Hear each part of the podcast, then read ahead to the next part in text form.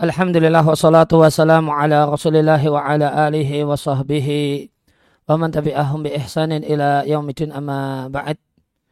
Kaum dan muslimah rahimani wa rahimakumullah kembali kita lanjutkan membaca dan mentalaah buku Aswarifu Anil Haqqi karya Hamad Al-Uthman. Ya, hafizallahu ta'ala. Kita sampai pada penghalang hidayah yang ke-25 adalah al-i'tiqadu thumma al-istidlalu meyakini sesuatu terlebih dahulu baru cari dalilnya. Ini sumber kesesatan. Karena kewajiban seorang uh, setiap muslim adalah tidak berkata dan berkeyakinan ya, sampai Allah dan Rasulnya uh, berkata. Sebagaimana perintah Allah Ta'ala, Ya ayyalladzina amanu, Wahai orang-orang yang beriman, la tuqaddimu, janganlah kalian mendahului baina yadayillahi wa rasulihi sebelum Allah dan Rasulnya. Dan demikianlah para sahabat, mereka tidak berkeyakinan, tidak berkata, kecuali setelah Allah dan Rasulnya berkata. Kemudian barulah setelah itu zaharat muncul al-ahwa berbagai macam kesesatan setelah habisnya masa sahabat dan masa uh, satu generasi itu terhitung dengan uh, matinya mayoritasnya. Artinya betul beberapa sahabat Ibnu Umar dan yang lainnya menjumpai beberapa aliran sesat di ini, beberapa aliran sesat. Namun uh, tetap bisa dikatakan masa sahabat sudah berakhir dengan berakhirnya dengan wafatnya mayoritas mereka. Wakhalafat dan bergantilah khulufun generasi yang jelek. Uh, bentuk jeleknya berkeyakinan baru cari dalil. Maka agama adalah apa yang mereka katakan, syariat adalah apa yang mereka di, di, maka apa yang mereka pegangi, mereka yakini, wa makanat adillatu dan semua dalil yang menyelisihinya akan mereka takwil dan mereka otak hati. Fahada makanya adalah min a'zumil fawariq di antara pembeda yang paling penting antara seorang ahlu sunnah dan seorang yang meniti jalan kesesatan. Maka ahlu sunnah yang sejati dia mengakhirkan hawa nafsunya dan kepentingannya ya, dan dia jadikan kepentingannya, keinginannya itu mengikuti dalil. Sedangkan di, peniti jalan kesesatan dia jadikan hawa nafsunya hakim dan wasit terhadap syariat. Asyatibi al-Maliki rahimahullah ta'ala menyampaikan oleh karena itu ahli bidah disebut ahli, uh, disebut ahlul ahwa bukan bukan dalam pengertian tidak ada ahli bid'ah yang ikhlas bukan banyak ahli bid'ah yang asik dalam bid'ahnya dan dia adalah seorang yang tulus dalam beribadah tulus dalam berislam namun ahli bid'ah itu disebut ahlul ahwa yang artinya pengikut hawa nafsu. Dikarenakan mereka mengikuti hawa nafsu mereka, kepentingannya eh, dan tidak mengambil dalil syar'i. Ya, sebagaimana mestinya orang yang membutuhkannya dan orang yang menjadikannya sebagai acuan. Eh, hatta yasturu anha sehingga berangkat itu dari dalil. Namun mereka mendahulukan hawa nafsu mereka dan mengandalkan pendapat-pendapat pribadi mereka. Kemudian mereka jadikan dalil syar'i sebagai manduran sasaran pandangan fiha dalam pendapat-pendapat tersebut dan ini semua dalil-dalil itu min wara'i dhalik. Dipandang di balik eh, pandangan-pandangan atau opini-opini pribadi, opini-opini tadi. Syatibi juga mengatakan mubtadi maka orang yang meniti jalan kesesatan menjadikan hawa nafsunya yaitu kepentingannya sebagai e, cita-cita pertamanya. Sedangkan akhdul adillah memegangi dalil itu e, adalah penderek, itu pengikut, bukan yang nomor satu. Lain halnya dengan ghairi mubtadi, orang yang bukan orang yang meniti jalan kesesatan. Maka orang yang uh, orang yang tidak meniti jalan kesesatan inna maja'ala hidayah menjadikan hidayah menuju kebenaran sebagai cita-cita pertamanya. Hal pertama yang dicari. Kemudian dia akhirkan hawa nafsu. Jika ada hawa nafsu dan kepentingan, faja'alahu bitaba' dia jadikan itu sebagai hal yang mengikuti dalil. Ibn Taimiyah ta'ala menyampaikan ulama yang mubtadi yang uh, demikian juga ahli kalam yang mubtadi mereka mencari-cari ilmu dengan mencari-cari ilmu yang mendukung bid'ah yang mereka buat. Bukan uh, mereka tidak mengikuti ilmu yang disyariatkan lantas mengamalkannya, bukan. Ya, namun mereka mencari-cari ilmu tentang bid'ah-bid'ah yang mereka buat. Jadi ilmu tersebut yang bisa membenarkan, mengamini ya, berbagai macam penyimpangan yang mereka miliki. Di sini kita jumpai hal yang menarik mubtadi'ati ahlil ilmi wal kalam. Maka ini menunjukkan bahwasanya ya, di kalangan orang-orang yang sesat itu ada ahlul ilmi, ada ulama, ada orang yang berilmu. Nih. Nih, maka nih, eh, tidak benar anggapan sebagian orang kalau dinilai bahwasanya orang yang sesat itu tidak pintar, tidak menguasai dalil, tidak. Banyak dari mereka yang pintar berilmu menguasai dalil. Hanya saja dalil itu digunakan untuk berkhidmat terhadap pendapat-pendapatnya. Tidak objektif. Siapa yang objektif terhadap dalil, ini saya akan dekat dengan kebenaran, bahkan mengikuti kebenaran itu sendiri. Ya, maka di, uh, lama di uh, tatkala inilah metode alil bidah. Itulah metode orang-orang yang sesat dan menyimpang. Berkeyakinan kemudian cari dalil. Sedangkan teks-teks syariat itu tidak sejalan dengan kepentingan mereka.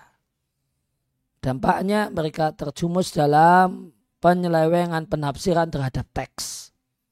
Akhirnya mereka mengumpulkan di antara dua kejelekan besar, yaitu mendahului Allah dan Rasulnya karena berkeyakinan dulu, baru berdalil, Ya, setelah itu karena teks syariat yang ada tidak sesuai dengan keyakinannya, maka mereka selewengkan penafsiran untuk firman Allah dan sabda Rasulnya.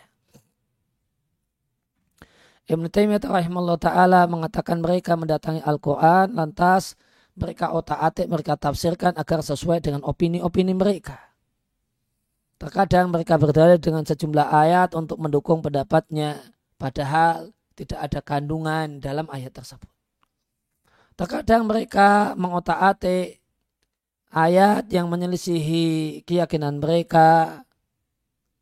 Bima dengan otak-atik sebagaimana otak-atik Yahudi yang yurharifun al kalimah amma wadi'ih. Yang uh, menyelewengkan firman-firman Allah dari tempatnya. Dan di antara mereka ada sekte-sekte khawarid, rafidah, jahmiyah, mu'tazilah, Qadariyah, Murji'ah dan yang lainnya. Ibn Taimiyah rahimahullah ta'ala juga mengatakan ada mewujudun dan ini ada di setiap orang yang menulis buku dalam ilmu kalam. Wadakar an-nusus dan dia menyebutkan nas yang nas tersebut digunakan hujah menunjukkan sesatnya dan menyimpangnya mereka. Anda jumpai orang tersebut kemudian mengotak-atik nas yang menyelisih perkataannya. Dengan otak-atik yang seandainya dilakukan oleh orang yang lain, dilakukan oleh orang lain, la aqamal qiyamat alih. Niscaya dia akan marah besar. Padahal dia ternyata pelakunya. Seandainya pelakunya orang lain, maka dia akan tegakkan kiamat atas orang tersebut. Artinya dia akan uh, akan reaktif dan emosi terhadap orang itu ya, maka mereka mengotak-atik berbagai macam ayat bima yu'lamu bil itirari dengan otak atik yang diketahui secara pasti bahasanya sang Rasul tidak menginginkannya. Dengan otak atik yang sebenarnya uh, redaksi teks sama sekali aslan sama sekali tidak mendukungnya. Dengan otak atik yang itu menyelisih tafsir yang dikenal dari para sahabat dan tabi'in. Dan menyelisihi teks-teks yang lainnya. Seandainya aku sebutkan apa yang aku ketahui contoh-contoh tentang hal ini la tu khalqan. Bisa aku akan menyebutkan banyak. Wa fi ukha dalam riat yang lainnya aku tidak kecualikan satu pun dari orang-orang yang sesat. Baik dari orang-orang yang populer dengan bid'ah yang besar semacam Mu'tazilah, Rafidah dan semacam itu tidak pula orang-orang yang sebenarnya mengaku-ngaku alusunah wal jamaah. Semacam karomiyah, asyariyah, salimiyah, dan semacam itu. Ibn Taimiyah rahimahullah ta'ala menyampaikan jadi kewajiban semua mukmin untuk tidak berbicara dalam satupun masalah agama. Illa taba'an lima ja'a bihi rasulu. Kecuali hanya sekedar mengikuti ajaran Rasul. Tidak mendahului Rasul bahkan menunggu apa yang dikatakan oleh Rasul. Sehingga perkataannya mengikuti perkataan sang Rasul. Ilmunya mengikuti perintah sang Rasul. Fahakada karena sahabat itu demikian para sahabat dan orang-orang yang menempuh jalan mereka dari kalangan orang-orang yang mengikuti para sahabat dengan baik. Dan para imam kaum muslimin. Imam di sini artinya ulama besar yang punya banyak pengikut. Maka mereka-mereka ini tidak ada di antara mereka orang yang menentang teks syariat, Al-Quran dan hadis dengan semata-mata logikanya. Tidak ada yang membuat agama selain ajaran yang dibawa oleh sang Rasul Sallallahu Alaihi Wasallam. Famin ta'allamu. Maka dari sang Rasul ulama itu belajar wabihi dan dengan ajaran sang Rasul ulama itu berbicara fihi yang duru. Dan dengan menggunakan ajaran Rasul, ulama itu memandang dan berpikir. Fahada aslu ahli sunnati. Ini ini pegangan erat ahlu sunnah.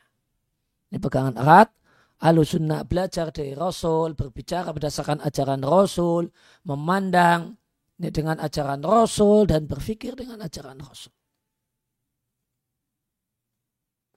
Wahada da'u dan penyakit ini tidak hanya terjangkiti para pengikut bid'ah-bid'ah yang besar saja. Balhuwa khafiyun, bahkan penyakit ini itu penyakit yang lembut dan samar, hampir-hampir tidak ada satupun orang yang selamat darinya kecuali orang-orang yang Allah lindungi. Dikarenakan khofaihi. Hal ini samar namun sangat besar bahayanya terhadap agama. Para ulama menasihatinya. Dan menjelaskan makot yaka apa yang boleh jadi terjadi. Ya, hatta minhum eh, sampai-sampai dari mereka nasihat lil umat di dalam rangka memberikan nasihat untuk umat. Ya, ya maka penyakit uh,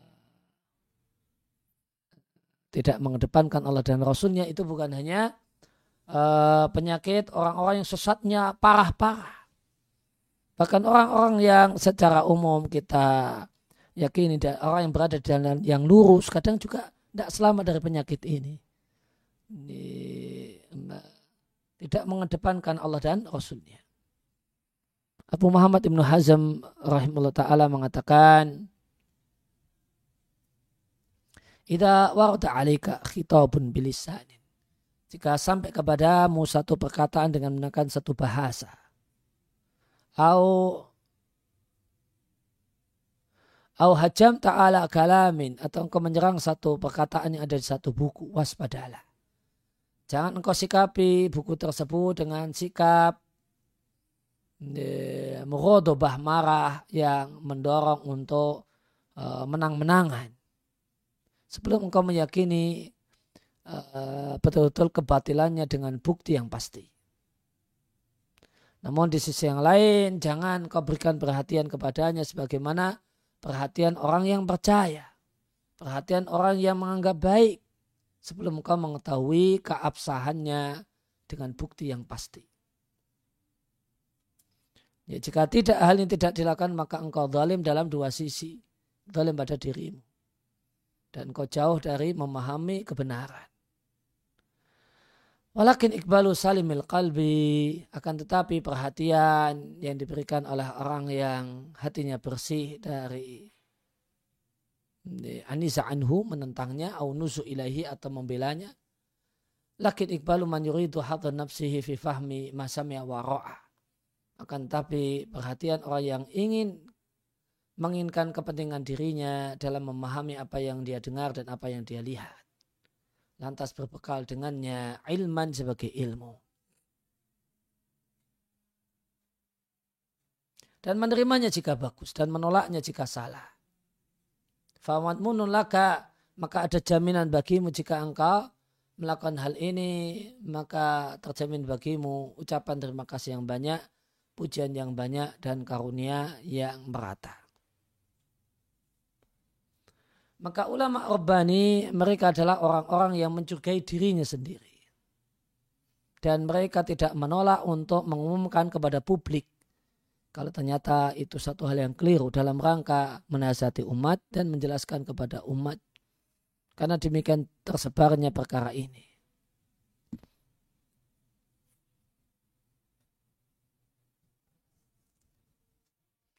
Uh, watamakunuhu min ahli ilmi.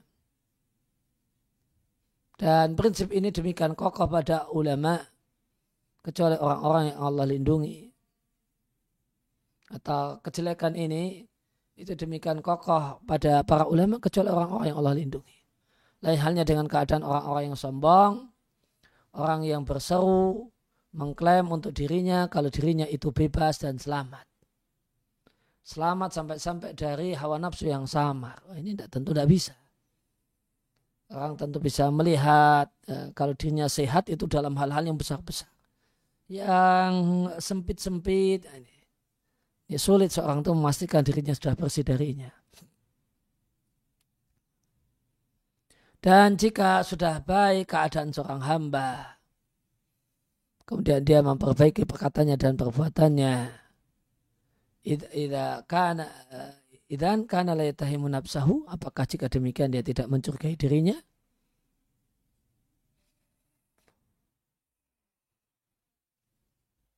Uh, Syekh Abdurrahman Al-Muallimi rahimahullah taala mengatakan bima kana yu'alijuhu untuk perkara yang beliau terapi karena demikian samarnya perkara ini. Wakat jarab tu nafsi aku telah mengetes mencoba diriku sendiri. Anani bahasanya aku bahwa terkadang aku uh, memandangi hal-hal yang merusak.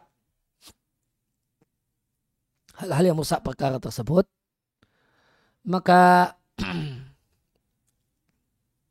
fa'ajiduni aku jumpai diriku. At-tabarramu aku cemberut bidzalika terhadap hal yang merusak tadi dan jiwaku itu terdorong untuk memberikan jawaban. Barodin nazar dan tutup mata ya, tentang uh, diskusi jawaban itu. Uh, nih karena aku lama korortu dalikal makna. Ketika aku jelaskan makna tersebut pertama kali, takriran satu penjelasan, yang ajabani menakjubkanku syirtu sehingga jadilah aku menyukainya, menyukai keabsahannya. Hada demikian ma'a annahu lam ya'lam bidzalika ahadun nasi. Dalam keadaan tidak ada satupun orang yang mengetahui hal itu. Kaifa maka bagaimana jika aku telah menyebarluaskannya di tengah-tengah masyarakat. Kemudian nampak bagiku kalau itu rusak. Kaifa bagaimana seandainya tidaklah nampak bagiku sisi yang, yang merusaknya. Akan tapi orang lain itu ada yang menentang uh, alaiya, menentang aku dengan hal ini. Fakaifa lantas bagaimana seandainya orang yang menentang itu adalah di antara orang-orang yang tidak aku sukai. Intinya uh, di antara sebab orang itu menyimpang dari jalan kebenaran adalah karena berkeyakinan terlebih dahulu baru mencari alasan-alasan pendukung dan yang melegitimasi. Padahal tidak demikian seorang muslim. Seorang muslim punya prinsip sebagaimana yang Nabi ajarkan. Ya yaladin amanullah tuqaddimu bayna yadayillahi wa rasuli. Jangan dului Allah dan Rasulnya. Ada masa, satu masalah cari dulu dasar-dasar dari Allah dan Rasulnya yang mendukung masalah ini. Jika tidak ketemu baru kemudian melakukan istihad sebagaimana cara-cara yang telah dibenarkan dan telah dirumuskan. Demikian naktafi bihadil qadar sallallahu alaihi wasallam Muhammadin wa ala alihi wasallam wa akhiru da'ana alhamdulillahi rabbil alamin. Subhanakallahumma wa bihamdika asyhadu an la ilaha illa anta astaghfiruka wa atubu ilaik